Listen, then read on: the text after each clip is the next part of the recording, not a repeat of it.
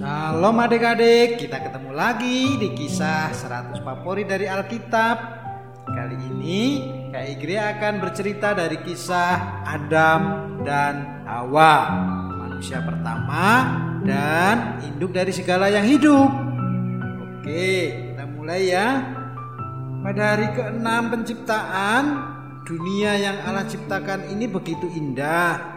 Ada ladang-ladang yang begitu hijau, bunga-bunga bermekaran, dan burung-burung dan hewan-hewan memenuhi hutan-hutan. Tetapi belum ada manusia, rumah, ladang, atau kota di dunia. Tidak ada anak-anak yang bermain-main di bawah pohon.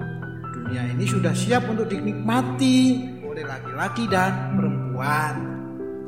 Lalu Allah berfirman, "Baiklah, kita menjadikan manusia menurut gambar dan rupa kita, supaya mereka berkuasa atas ikan-ikan di laut dan burung-burung di udara, dan atas ternak dan atas seluruh bumi." Kemudian Allah mengambil debu dari tanah dan membentuknya menjadi manusia. Ia mengembuskan napas ke dalam manusia ciptaannya itu dan manusia itu pun menjadi roh yang hidup. Allah menamai manusia pertama ini Adam.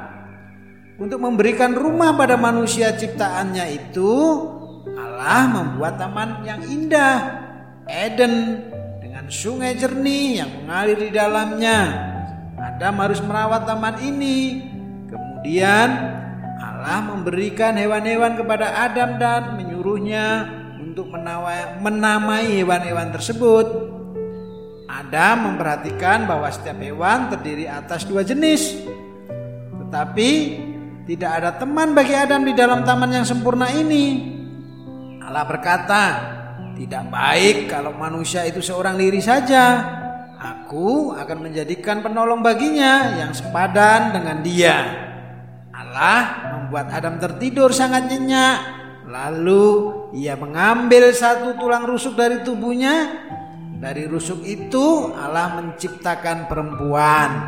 Adam memanggilnya Hawa. Adam dan Hawa saling mencintai. Mereka sangat bahagia di dalam Taman Eden yang indah yang telah Allah berikan kepada mereka sebagai sebuah rumah. Nah, itulah adik-adik kisah Adam dan Hawa, manusia pertama dan induk dari segala yang hidup.